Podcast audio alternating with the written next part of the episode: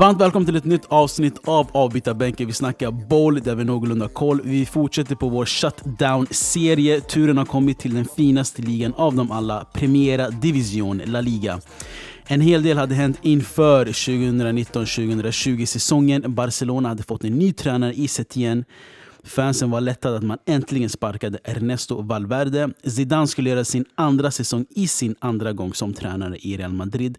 Förväntningarna på underbarnet Joao Felix och oron i mittfältet för Simeones Atletico Madrid. Många lag man såg fram emot att följa utöver topp tre. Pep Bordalas Getafe som hade en fin säsong i fjol. Real Betis som på papper kanske hade ligans sexigaste mittfält där nyförvärvet Nabil Fekir skulle leda mittfältet. Real Sociedad med Alexander Isak och hans kamp till att bli en given startspelare för William José.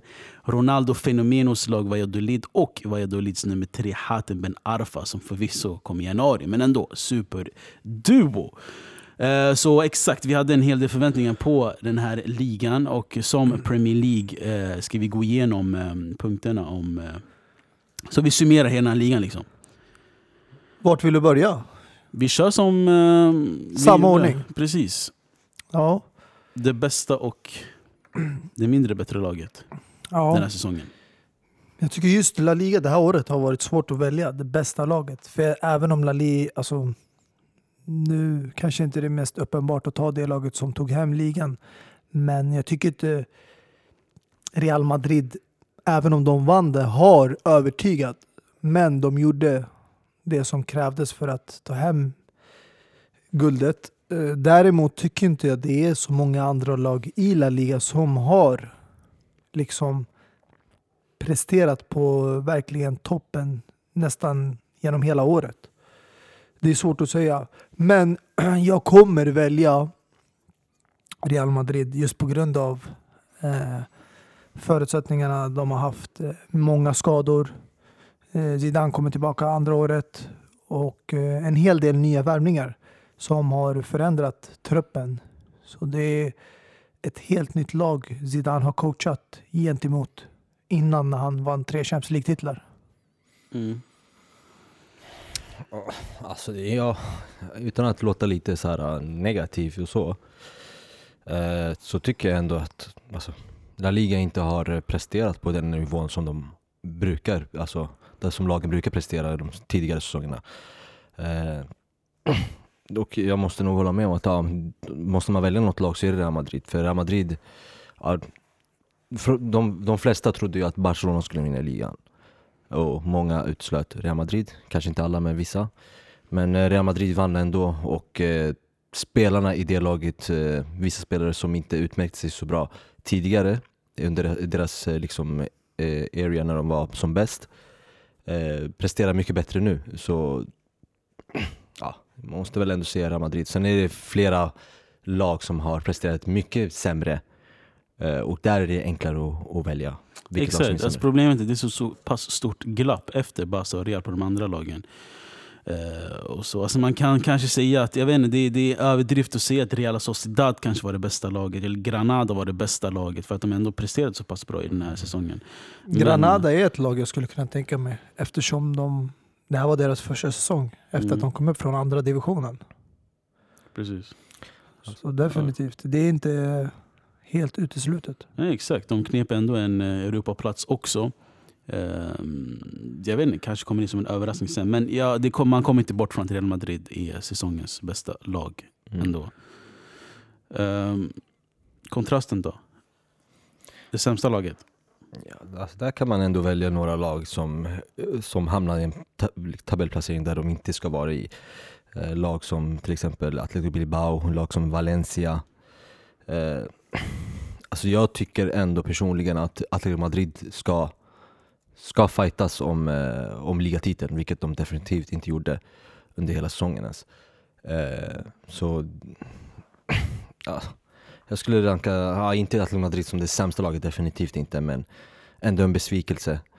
Men annars är det väl så, Valencia som hamnar på nionde plats och Atletico Bilbao på elfte platsen. Lag som Celta Vigo som har gjort det eh, mycket, alltså bättre tidigare under de här eh, tidigare säsongerna eh, var en poäng ifrån nedflyttning. Så Mm. ja, det finns lag, och som du nämnde innan, Real Betis som Nabil Fekir som har, som har ett fint lag på pappret. Precis. Men som hamnade också, ja, det? ja de var också typ så här några, några poäng ifrån nedflyttningsplats. Mm, exakt. Eh, ja, så jag vet faktiskt inte vart, det, vilken definition man ska ta som sämsta laget. Jag tycker ändå alltså uh, Espanyol som kom verkligen, verkligen sist i ligan. Uh, kanske ska nämnas som uh, det sämsta laget för att det är ändå en, en, en klassisk klubb i La Liga som är, alltså ska vara i La Liga. Kom sist, hade bra spelare, Raúl eh, de Thomas som... eh, Och så, och så grejen är, jag vet inte, ska man säga att uh, Atletico Madrid som jag trodde skulle vinna ligan är, eh, alltså, eh, prest, inte presterade. Så jag vet inte, jag har ingen aning vem jag ska sätta som sämsta laget i den här säsongen. Alltså jag kommer inte kunna... Jag skulle sätta bland annat eh, Espanyol. För att de är ett etablerat lag i La Liga. Att de har verkligen underpresterat. Men jag tycker också att Atletico Bilbao är ett lag som brukar vara där och nosa bland Europaplatserna. Och det här året kämpade de istället för överlevnad i La Liga. Och jag tycker det kom som en chock efter att de gjorde en stark inledning. De vann 1-0 mot Barcelona. Och så skrev Inaki Williams ett kontrakt på nio år. Där man tänkte det här ser ljust ut för dem. De här verkar vara positiva, de har en ljus framtid. De har skrivit på en kontrakt med deras bästa spelare på nio år. Och då hade man lite högre förväntningar, men eh, de levde inte upp till dem helt enkelt. Mm, men de är Men jag så pass begränsade, kunna- alltså Bilbao. Jo, det. jo, det är de också samtidigt. Men sen när jag kollar på Atletico Madrid, jag kan inte sätta det kravet på dem för att även om de har hämtat in en värvning som Joao Felix, som är väldigt ung och ny i laget, så tappade de ändå sin bästa spelare Antoine Griezmann. Mm. Och för mig är det en stor förlust. Och det är som att man börjar om på nytt. Men um, jag hade ju ändå hoppats eller trott på att Atletico Madrid skulle vara där och eh, fightas om ligan mot slutet. Eh, men eh, det tog på dem hårdare än förväntat att tappa en sån spelare. Och inte nog med det också, vi får inte glömma bort också att de tappade Diego Godin till Inter. Mm. En erfaren mittback som kanske är på väg mot sina sista år men ja, ändå alltså, de, de, var en etablerad spelare i det där laget. Exakt, Atletico Madrid har alltid varit ett uh, köpande och säljande lag. Och de förlorade spelare i alla positioner. Uh, Griezmann, Rodri och Godin. Eh, Mm. Så det kanske är skillnaden på, att, eh, på ett lag som kan vinna titlar och ett lag som inte vinner titlar genom att man säljer sina bästa spelare hela tiden. Så, Exakt, Rodri också som en spelare som precis kommit och mm, tagit plats i det där laget. Han var också Mm. ett nyförvärv som gjort det riktigt bra. Och de har ju sen tillbaka tappat också sin eh, legend. eh, Gabi. Exakt, så det är många förluster de har haft genom åren. Mm. Så, Ja, så jag skulle mer säga att jag är besviken på Atletico Mm. Madrid. Inte att de är det sämsta laget, det är lite att ta i, men besviken skulle jag säga mer. Ehm, Men det är ändå ett lag som bygger, alltså man ser att, även lite förvånande att det är Diego Simeone för han bru- brukar alltid vilja ha spelare som presterar lite direkt. Men eh, han har ju faktiskt ändå värvat unga spelare som Joao Felix som vi nämnde. mm. Eh, och Lorente, liksom, alltså det är unga spelare och de har ju ändå presterat bra. Men eh, ja, det, Mm, exakt. Eh, de här lagen leds ju också av tränarna. Eh, och vem har varit den bästa respektive sämsta tränaren skulle ni säga? Alltså när vi ändå har avslutat med Atletico, jag skulle säga alltså Simeone, jag tycker det är dags för han att gå vidare i karriären. Han har varit här sen... för länge sedan. Ja, han, ja, jag han, tycker det var han gör sitt, sitt, sitt tionde år Kanske nästa ett- år.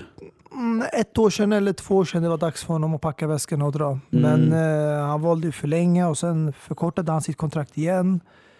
Exakt. Uh, Nej, för det fanns ju luckor där han kunde gå till olika lag när, när det fanns lediga platser. Men nu har det stängts igen. men det, det, känns finns, som att han är trapped i Atletico Madrid igen. Mm, men en av anledningarna också han valde att stanna kvar och eh, de övertygade honom, det var ju att han är ju den bäst betalde. Tränaren Exakt. i La Liga. By far, i, By i, i. I världen också tror jag. Ja, i Europa By tror jag far. också faktiskt. Han By fick far. ett monsterkontrakt. Exakt. Och det är det som väl gjorde honom övertygande att stanna. Men jag tycker inte, det är synd att säga så, men det är oftast sånt som i alla fall spelare brukar styras av. Men man ska inte låta sig styras av pengarna. För att som tränare vill du ha nya utmaningar. jag tror han fortfarande brinner för Atletico Madrid som han gjorde förut. Men det är jobbigt att hela tiden du vet, eh, bygga ett nytt lag efter du har haft ett helt annat lag förut. Han hade en era där han hade spelare som Falcao, Diego Costa, Courtois och alla de här. Miranda, Diego Di. Nu är alla de här borta. Och nu Mm. liksom måste han börja om på nytt och bygga ett nytt lag. Mm, nej, jag tror också han, han, hans hjärta eh, tillhör Atletico Madrid. Han har spelat där i, som spelare i två sessioner. Ehm, så jag förstår, men jag menar om han vill bli erkänd som en av de största tränarna och liksom, du vet, göra sig ett namn utanför Atletico Madrid Mm. så tycker jag ändå att han borde... Alltså för att han är en bra tränare, han kan ta över ett storlag i, i vilket land som helst. Så tycker jag att det skulle vara dags. Han skulle ju väl kunna vara kvar och sen kanske agera lite som Sir Alex Ferguson. För det, det, sådana tränare tycker ni om ju. Det så? Äh, alltså, ja, ja, vi, vi snackade om förra avsnittet, absolut. Men det är skillnad på Atletico Madrid och Manchester United. Skulle jag säga. Och det är skillnad på, definitivt skillnad på Simeone och Ferguson. Sen, Ja, sen, sen grejerna, alltså, det med, alltså, skillnaden med tränarna och spelarna när de är ett lag och one man player eller one man eh, manager. Det är att tränaren tar, det tar mycket längre tid att etablera en spelfilosofi. Att etablera sin, liksom, hur han vill att laget ska spela och så vidare. och så vidare. Uh, och så. Uh, men vem sätter ni som bästa tränaren? Som? Alltså, för mig är det mellan två tränare. Och det är mellan Zinedine Zidane, som jag alltid har beundrat. Men jag tycker han har gjort ett ja, bra jobb med det här laget som han har nu till hands. Sen är det ju faktiskt den eh, kortvariga, eller knappt kortvariga skulle man säga, men den före detta eh, Real Madrid-tränare och landslagstränare Lopetegui. Som Ja. tog över Sevilla och eh, hamnade på lika mycket poäng som Atletico Madrid faktiskt. Tog dem till en säker Champions League-plats där. Jag tycker han har gjort ett bra jobb med det laget han har också. Eh, de tappar ju ändå Wissam Ben Yedder bland annat till Monaco. Så har de tappat en hel del spelare. Men han har ändå lyckats hålla skeppet i styr. Precis. Um, ja, alltså jag eh, hör vad du säger, men jag skulle ändå vilja ge den till um, Zinedine Zidane. Som ändå, um, alltså jag vet inte, alltså, verkligen bevisat sig som en tränare, för mig i alla fall, vilket monster han är. Att han eh, inte är beroende av vissa spelare för att kunna ta en ligatitel. Och att han gång på gång kan motivera sina spelare som redan är mätta och har massa eh, titlar att fortsätta prestera. Han gör Sergio Ramos till den spelaren. Han gör Benzema till en otrolig spelare. Med, han gjorde 21 mål den här säsongen. Och liksom bärde Real Madrid. Så Zidane är en otrolig motivator och en tränare. Skulle jag säga. Men bästa för den här säsongen, ja, det vet jag inte. Hade du sagt samma sak om Barcelona hade vunnit ligan? Tror inte du hade sagt. Det är Nej. det jag menar och många, många, många säger ju, eller frågar alla Barca-fans och det är så egentligen det är. Att Barcelona kastade bort ligan och Real Madrid tog den helt enkelt.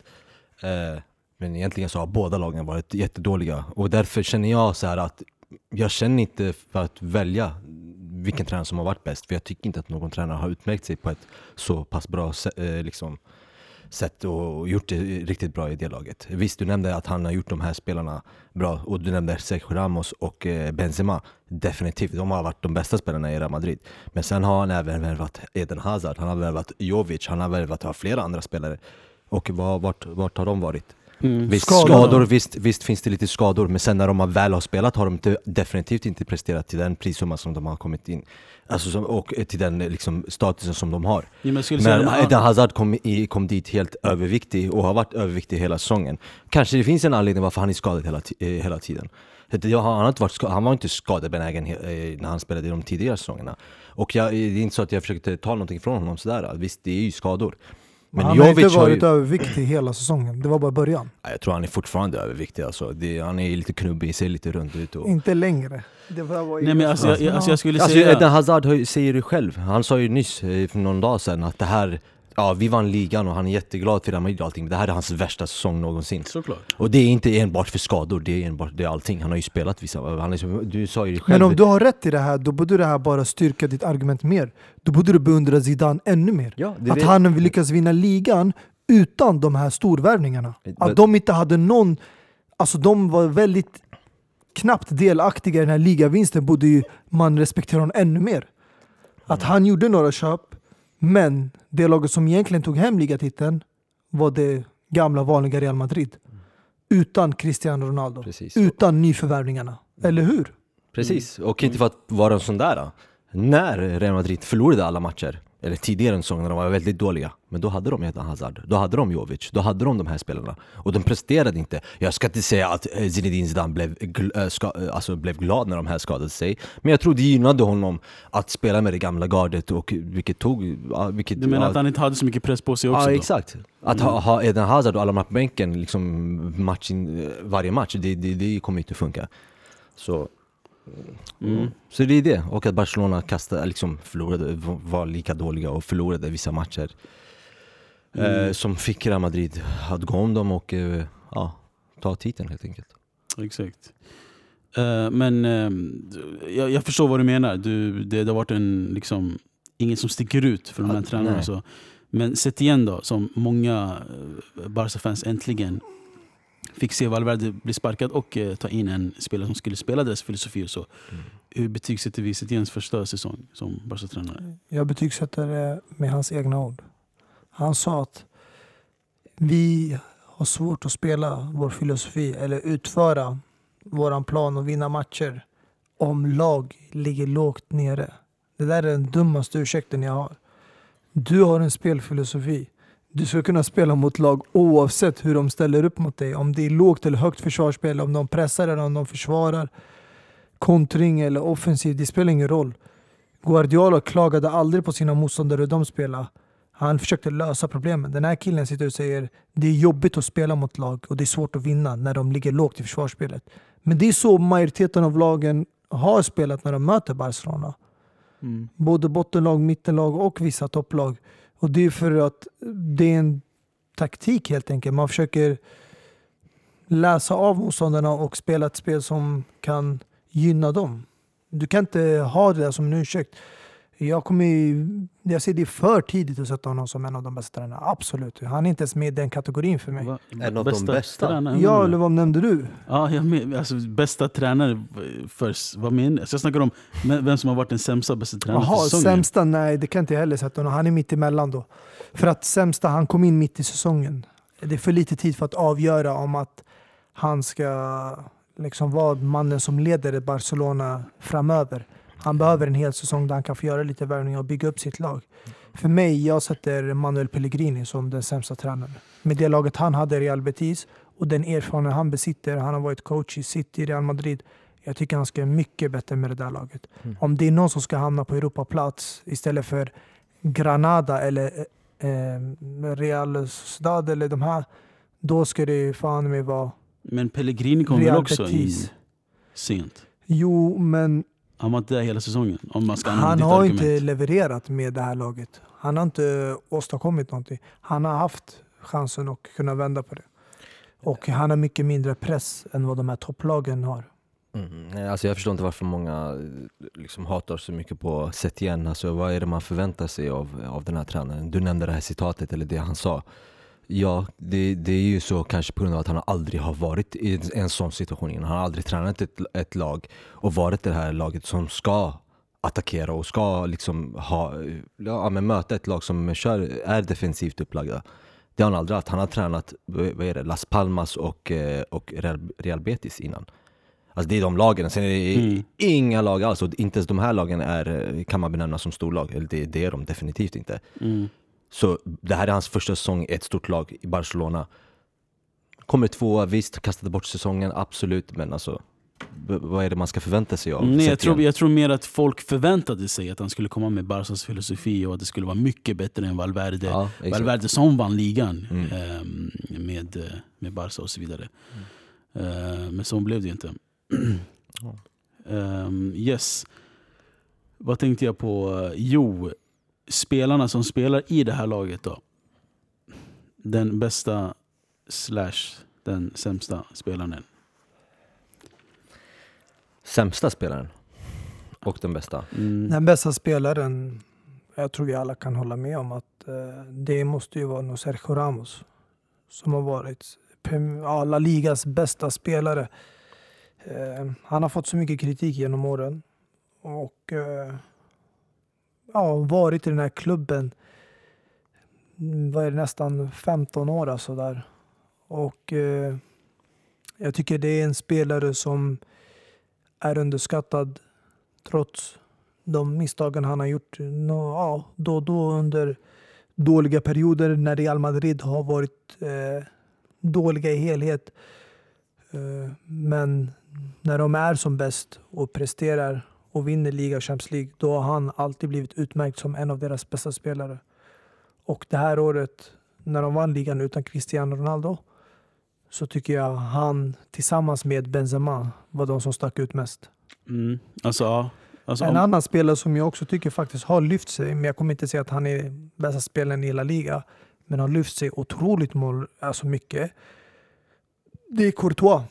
Till skillnad från hans debutsäsong i La Liga så har han nu den, eh, jag tror han har haft hållit flest nollor i Europa mm. det här året.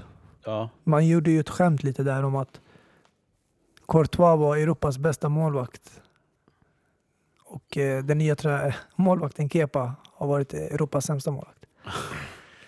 Men Ja. När du ändå pratar om alltså, Sergio Ramos så, så det, alltså, det är ju ändå Sergio Ramos. Och om vi tänker vilka bästa målskytten i, i Real Madrid är ju Karim Benzema som man också kanske kan eh, sätta som eh, säsongens bästa spelare. Eh, nu har jag inte siffrorna direkt på hur många mål han har 21. gjort. 21 mål gjorde han. Och andra bästa målskytten, vem tror ni det är? Det är Sergio Det är Ramos. Sergio Ramos i 11, eh, 11 gjorda mål.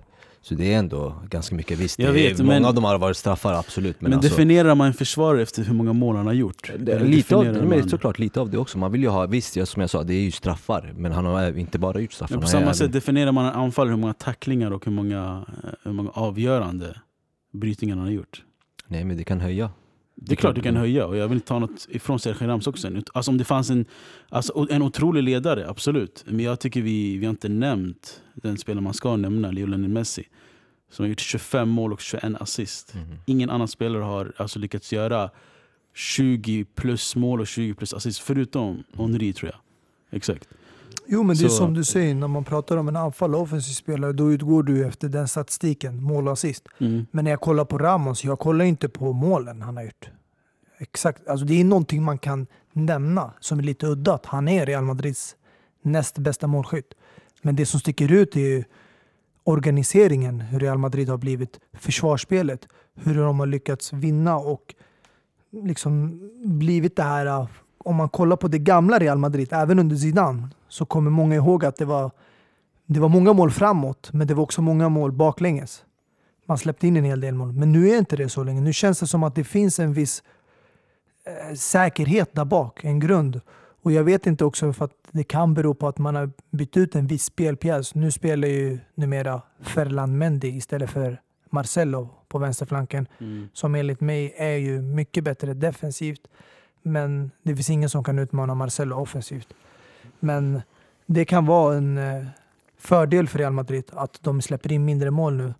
Och eh, sen tycker jag ja, Varane, han blir ju bara bättre och bättre för varje år som passerar. Ja, nej jag hör dig. Eh, men jag tycker grejen är bara för att det är Messi och att han alltid presterar att man förbiser det han har gjort. Alltså, med 25 mål och 21 assist är, är makalöst. Alltså. Ehm, ja, alltså, som sagt, vi kan, ju vi kan ju ta den här andra kategorin också om årets succé slash floppvärvning. Och om ni har någon sämsta spelare. Alltså jag skulle rakt, alltså även, jag tycker Real Madrid ehm, dominerar i den här kategorin också. Som sämsta eller uh, flopp Absolut spelare. inte bro. Eller, jag, jag vet Så inte, vi kanske att- inte håller överens, men jag tycker Antoine Griezmann har varit för mig årets floppvärvning. För att han har varit eh, värvad som att ska ersätta Coutinho som blev utlånad till Bayern München. Han ska fylla det där tomrummet som Neymar lämnade för flera år sedan. Och eh, är redan en etablerad spelare i La Liga, har spelat för Atletico Madrid i flera år. Eh, har precis ja, vunnit bland annat, han har ju vunnit Europa League med Atletico Madrid och sen, sen ett, år tillbaka också, då innan han kom till Barca, så hade han vunnit VM. Eh, en utmärkt spelare och så kommer han med den här erfarenheten i bagaget och är för den mesta större delen av säsongen är han skadefri. Han har fått spela Men ändå så har han underpresterat så otroligt mycket. Och även i vissa tillfällen blivit petad av spelare som Ansu Fati. Om man väljer att sätta honom på bänken. Och jag vet att du kanske vill ta upp andra namn, du Abbas, men jag kommer aldrig sätta en spelare som har varit skadad mer än halva säsongen. För att både jag och Abbas kollade till och med på hans matchstatistik och det stod att Hazard har startat 14 matcher den här säsongen. 14. Totalt har han gjort 16 matcher av 38. Jag tycker inte det är han har lite. startat 14, men det är ingen startspelare. Man kan inte se att en spelare är en floppvärmning när han har bara fått starta 14 matcher av 38. Bara halva säsongen är t- 19 matcher. Ja, Om du har spelat halva. 14 matcher, då har inte du varit där. För att vi alla vet att inte han har suttit på bänken. Det vet vi. Han har varit borta helt och hållet från truppen för att han har varit skadad. Och det är självklarhet. Vi kan fråga vem du vill där ute. Vi kan ringa ett livesamtal här och nu om ni vill och fråga om vem årets floppvärmning är. Och alla kommer hålla med mig om att det är Antoine Griezmann. Han har nästan spelat lika många matcher som Bruno Fernandes och ni, i Premier League-avsnittet så nämnde, Va? vi, så nämnde ni honom som Vad säsongens sa bästa. han nyss? Att Sa han har att spelat spelat- nästan lika många matcher som Bruno Fernandes När kom Bruno Fernandes? i vintras. Exakt. Och hur många matcher kan han spelat? Sommar, jag sa, han har spelat lika, nästan lika många matcher sa jag, inte hur länge de har spelat, eh, alltså Men, varit i eh, laget. jo, jo, men är inte det Så, pinsamt jag tänker att han har Anton- spelat lika många matcher som en spelare som har varit i United halvår Det jag i en klubb som han har varit i ett helt år? Det jag försöker säga är att under de här, de har spelat nästan lika många matcher och ni nämnde Bruno Fernandes på, på bara de här matcherna så nämnde ni honom som den bästa spelaren och, eh, liksom, eh, och bästa värvningen den- i För att han har stuckit ut så mycket under just korta sektioner. tycker om, om, man kan, om alltså. man kan baserat på Bruno Fernandes matcher Mm. avgöra om han är den bästa spelaren och så, då, då tycker jag att man kan kunna, eh, baserat på lika många matcher som Eden Hazard har, baser, eh, tycka att han är den sämsta spelaren. Det kan du inte alls. Det är klart För kan. det finns en skillnad. Att Bruno Fernandes fanns inte tillgänglig under hösten. Hazard har funnits tillgänglig ett helt år och just därför ifrågasätter man men varför har han spelat så få matcher? Jo, för att han har haft en långtidsskada. Bruno Fernandes, det finns en anledning varför han har bara spelat så få matcher i United. För han anlände till United i slutet av januari. Nej, det, och på de alltså- få matcherna Bruno Fernandes har nu spelat, om det nu ens är få matcher, Bruno Fernandes har varit helt skadefri sen dagen han anlände till Nej, United. men det är en, det är en Och poäng, han har en poäng startat- som du har och jag säger Mohammed. Det är, Bruno Fernandes har gjort 14 matcher, Eden Hazard har totalt gjort 16 matcher.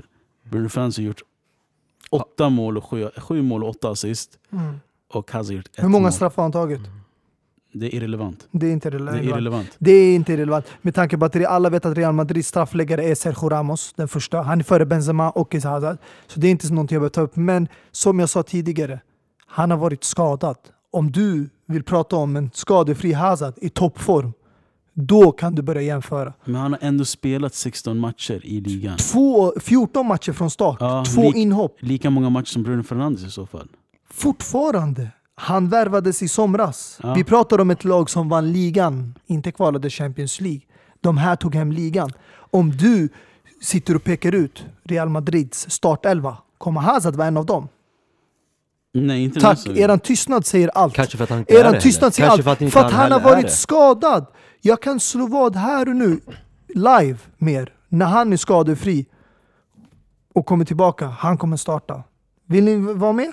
Slå vad det, det, middag? det, bör, det måste han göra. Tack. Det bör han göra Jag det behöver inte säga så mycket mer. Det alltså det jag vi vet inte hur ni kan argumentera emot att Antoine Griezmann är floppspelare. Det är bara pinsamt. Jag, jag tycker bara vi ska lägga ner det här och gå vidare bror. Eller vill ni fortsätta Nej, alltså jag kämpa? vet inte, han har gjort över tusen minuter i... i, i alltså jag vet inte, för mig är det solklart att Eden Hazard är... Tusen minuter, vadå 14 matcher? En match är 90 minuter. Alltså, det är, det är Ja exakt, men det visar ju bara det. Men det visar här- bara hur det här- mycket... nu, alltså, pratar, nu pratar du bara om mycket han- ligan också. Ja, exakt. Sen har han spelat han säkert andra grejer också. vart, vart har han spelat? Han Var han med i första matchen mot City i Champions League? Nej, gruppspelet kanske, eller hur?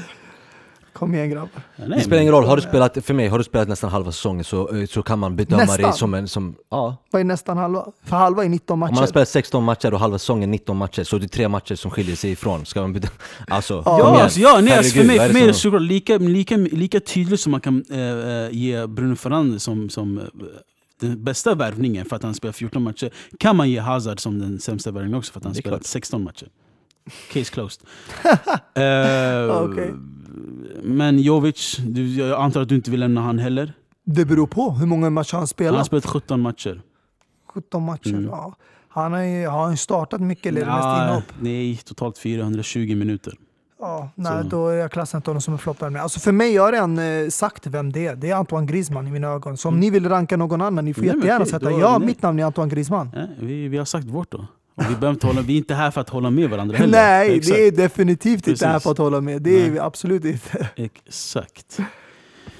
Eh, ja, årets succéspelare då? Alltså, Alltså, alltså, Jag tycker inte det har funnits så mycket succé i Real nej, det finns väl någon, någon, någon kanske, Frenkie de Jong till exempel i Barcelona som har gjort det bra.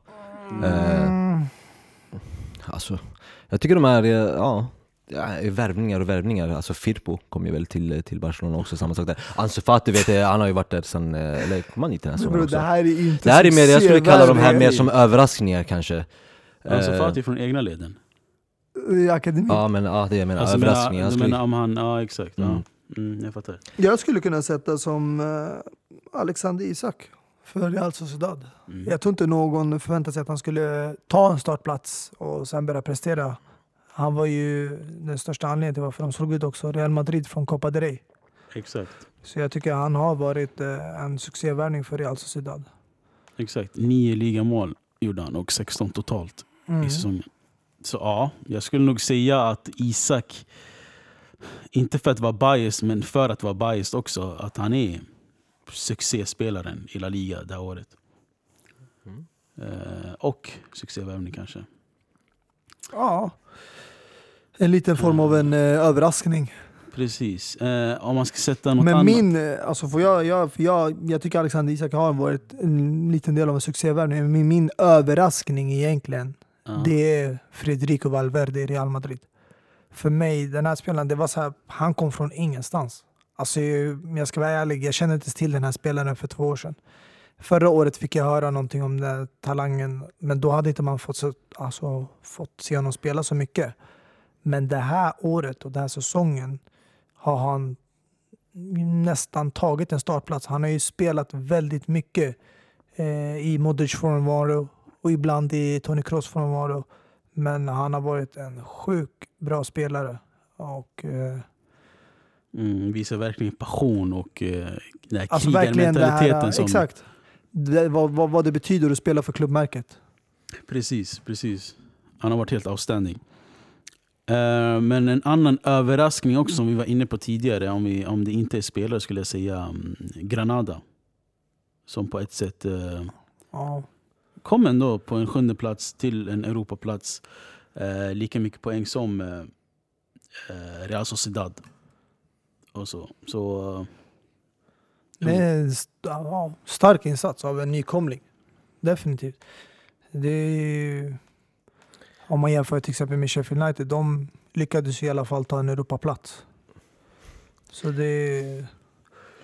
Alltså det finns ju ändå ett lag som man inte nämner, eller som vi inte har nämnt, det är ändå Villarreal som alltså, sitter ändå på bra spelare och eh, Moreno är liksom, har gjort 18 mål och 5 assist. Eh, ändå, ändå bra och de, där de har en direkt plats till eh, Europa League. Och sen har vi en spelare där som vi alla här tycker om och som tyvärr fick avsluta sin karriär och som gjorde en bra säsong den här säsongen mm, i Santi Cazorla eh, som gjorde var det, 11 mål och 9 assist. precis. Väldigt bra för en spelare som ska avsluta karriären. Exakt. Och en, väldigt bra för en spelare som han sa till att du aldrig kommer få spela fotboll igen. Alltså när han skadade sig. Mm, när han skadade sig. exakt. Mm. Ja. Eh, ja.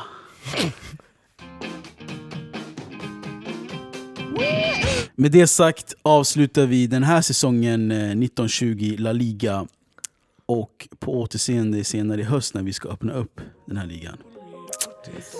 Adios! Adios! Yo por ti, tú por mí, yo por ti, tú por mí, yo por ti, tú por mí. Colgando del cuello los juguetes, del cuello los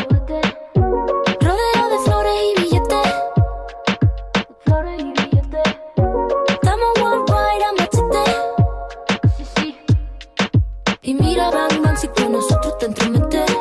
Eh, no quieres que lo igual